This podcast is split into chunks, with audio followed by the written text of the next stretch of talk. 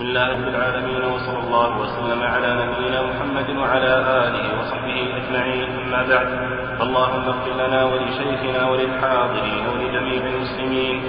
قال ابن سعدي رحمه الله تعالى التوسط في كل الأمور والاعتدال والاقتصاد. هذا الخلق الجليل قد دل عليه القرآن بآيات كثيرة عامة وخاصة. فمن العامة الأمر بالعدل والقسط في عدة آيات والإخبار بأن هذه الأمة وسط وذلك في كل أمورها فهم وسط في الإيمان بالأنبياء والقيام بحقوقهم بين من غلوا فيهم حتى جعلوا لهم أو لبعضهم من حقوق الله الخاصة ما جعلوه من الغلو فيهم والعبادة لهم. وبين من جفوهم فكفروا ببعضهم أو لم يقوموا بحقهم.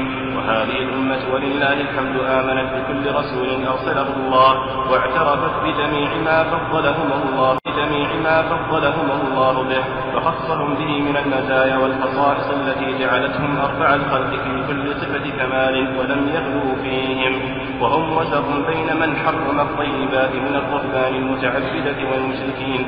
الذين حرموا ما لم يأذن به الله اتباعا لخطوات الشيطان وبين من استحل المحرمات والخبائث بل اتبعوا النبي الأمي الذي يأمرهم بالمعروف وينهاهم عن المنكر ويحل لهم الطيبات ويحرم عليهم الخبائث. وقد أمر الله بالتوسط والاعتدال في النفقات في قوله ولا تبذر تبذيرا وقوله ولا تجعل يدك مغلولة إلى عنقك ولا تبسطها كل البسط. فتقعد ملوما محسورا. وأثنى على المتوسطين فقال والذين إذا أنفقوا لم يسرفوا ولم يقتروا وكان بين ذلك قواما. وهذا يشمل النفقة على النفس والأهل والديار والمماليك. من الآدميين والبهائم في جميع وجوه الإنفاق. فإن هذه الحالة فيها اعتدال خلق الإنسان وكمال حكمته. حيث قام بالواجبات وبما ينبغي وترك ما لا ينبغي. ومن فوائد ذلك أيضا أن في الاعتدال سر بركة. أن في الاعتدال سر بركة. وما عال من اعتقد وأنه يمنع العبد الندم فإن المسرف في الإنفاق إذا أملق واحتاج لعبت به الحسرات وجعل يقول بلسان مقاله أو لسان حاله يا ليتني لم أفعل ذلك. وأما المقتصد فإنه لا يندم العاقل على نفقة وضعها في محلها وأقام بها واجبا من الواجبات أو سد بها حادثا من الحاجات. فإن المال لا يقصد إلا لمثل هذه الحالة. وأيضا فإن المسرف في النفقات لا بد أن يكون مترفا معتادا أمورا. إذا عجز عنها شق عليه الأمر مشقة كبيرة. كبر عليه الصبر وثقل عليه حمله بخلاف المعتدل فإنه سالم من هذه الحالة. وأيضا فإن الاعتدال بالنفقة أحد قسمي الرشد فالرشد الذي هو معرفة تدبير الدنيا أن يعرف الطرق التي يحصلها فيها فيسلك النافع منها. ثم إذا حصلت عرف كيف يصرفها ويبذلها وعلم التدبير من العلوم النافعة وعلم التدبير من العلوم النافعة دينا ودنيا وشرعا وعقلا.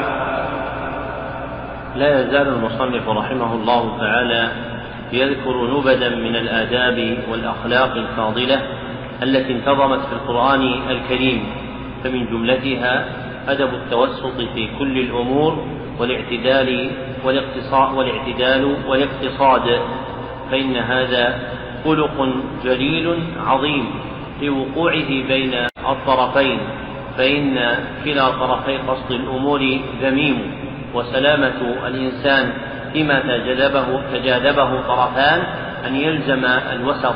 وهذا معنى قول السلف رحمهم الله تعالى الحسنة بين سيئتين أين بين أي بين سيئة الإفراط والتفريط.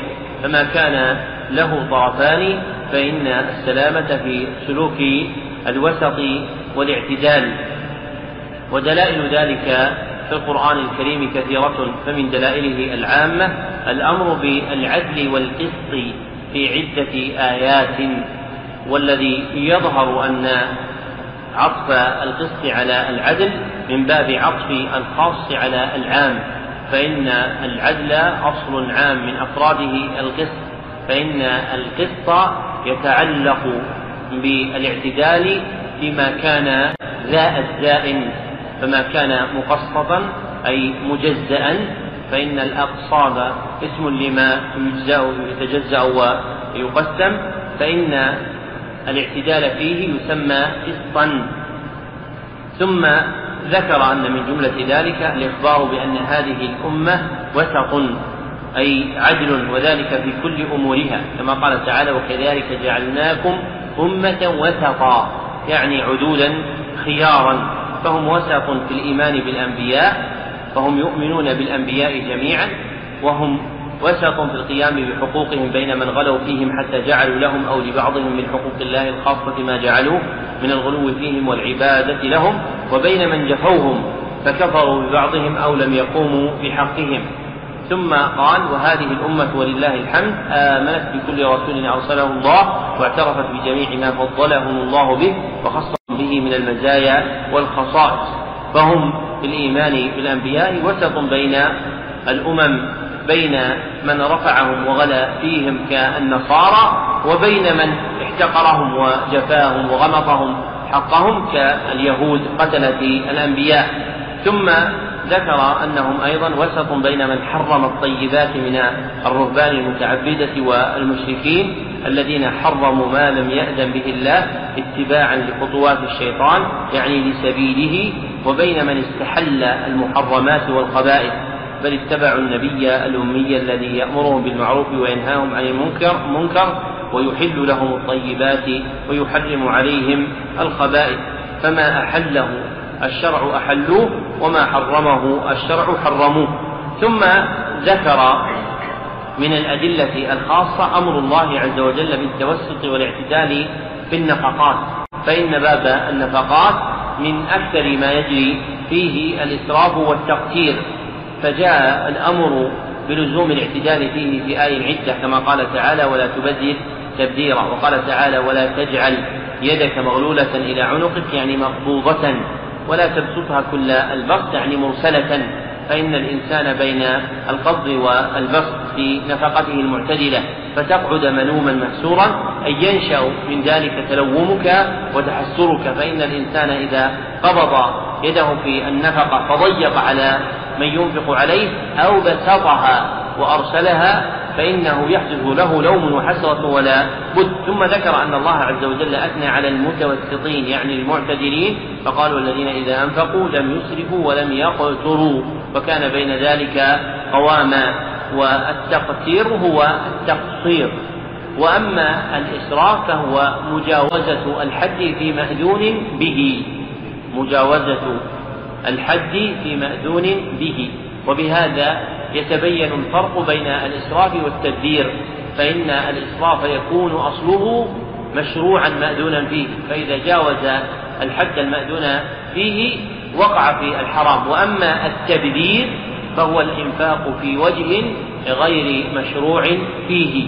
فلو قدر أن إنسانا أضافه أحد من الضيوف فنزل ضافه أحد من الضيوف فنزل به فبالغ في إكرامه حتى جاوز الحد المأذون فيه فإن الواقع منه هو الإسراف لكن لو جعل الإنسان ماله في خمر أو غير ذلك من المحرمات فإن الواقع منه هو التبذير. وهذا أحسن ما قيل في الفرق بين الإسراف والتبذير. ثم بين المصنف رحمه الله تعالى أن هذا يشمل النفقة على النفس والأهل والعيال والمماليك من الآدميين والبهائم في جميع وجوه الإنفاق.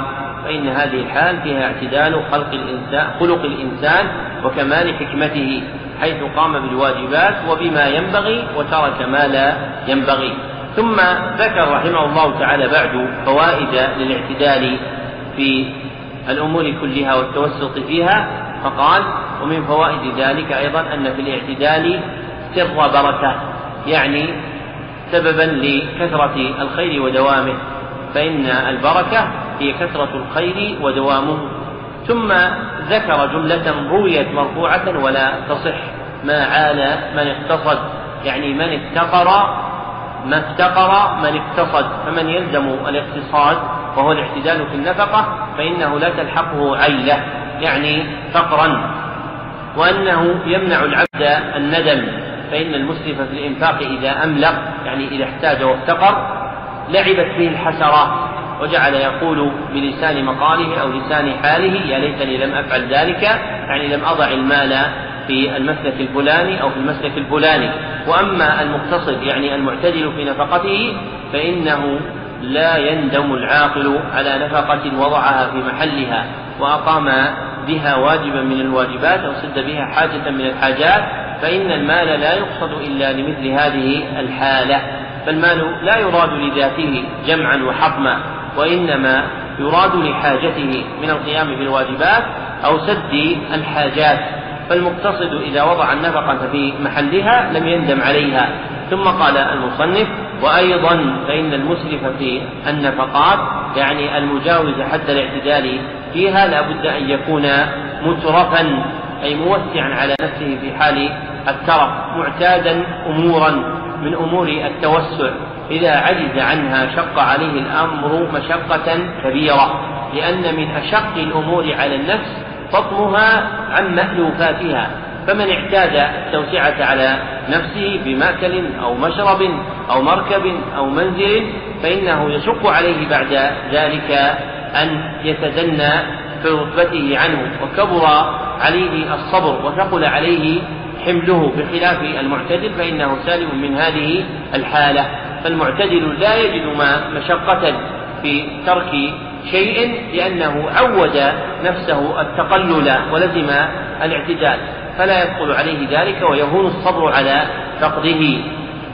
ثم ذكر أن الاعتدال في النفقة أحد قسمي الرشد فيها فإن الرشد في النفقة له قسمان فالقسم الأول معرفة طرق تحصيلها من وجوه الحلال.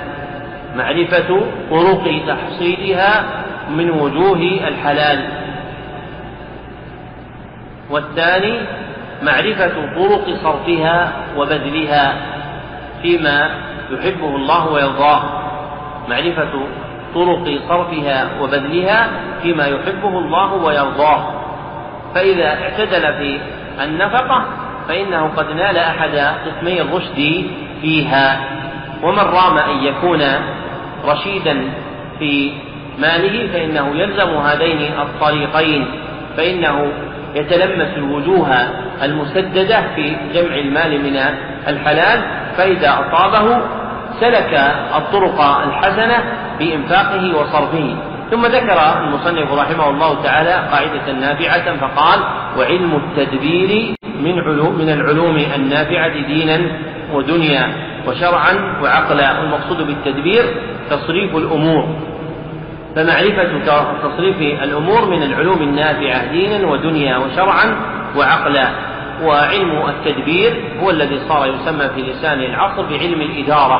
وهو أنواع كثيرة منها علم إدارة الاقتصاد. ومن أعظم أصوله ما جاء به القرآن الحكيم من لزوم التوسط في النفقة والاعتدال فيها. فمن كان كذلك فإنه يرجع بدوام الحال الحسنة عليه. ومن لعب بها كيفما اتفق ضاع أيدي سبأ ولحقه في ذلك ضنك في معيشته. ومعرفة ما تصلح به أحوال الناس هو في الكتاب والسنة وليس في غيرهما من العلوم ما ليس موجودا فيهما. فإن أصل كل علم نافع هو في القرآن الكريم. وفي ذلك أنشد ابن عباس فيما أثر عنه جميع العلم في القرآن لكن تقاصر عنه أفهام الرجال. فمن أراد أن يعرف مسيرة التدبير الوقية له من الزلل بأمر دنياه ومعيشته فلينظر ما جاء من القواعد القرآنية في ذلك ومن جملتها ما شيده المصنف هنا من لزوم الاعتدال والاقتصاد في النفقة فإنه يفضي بالإنسان إلى حسن الحال. وهذا آخر البيان على هذه الجملة من الكتاب. وبالله التوفيق والحمد لله رب العالمين. صلى الله وسلم على عبده ورسوله محمد وآله وصحبه أجمعين.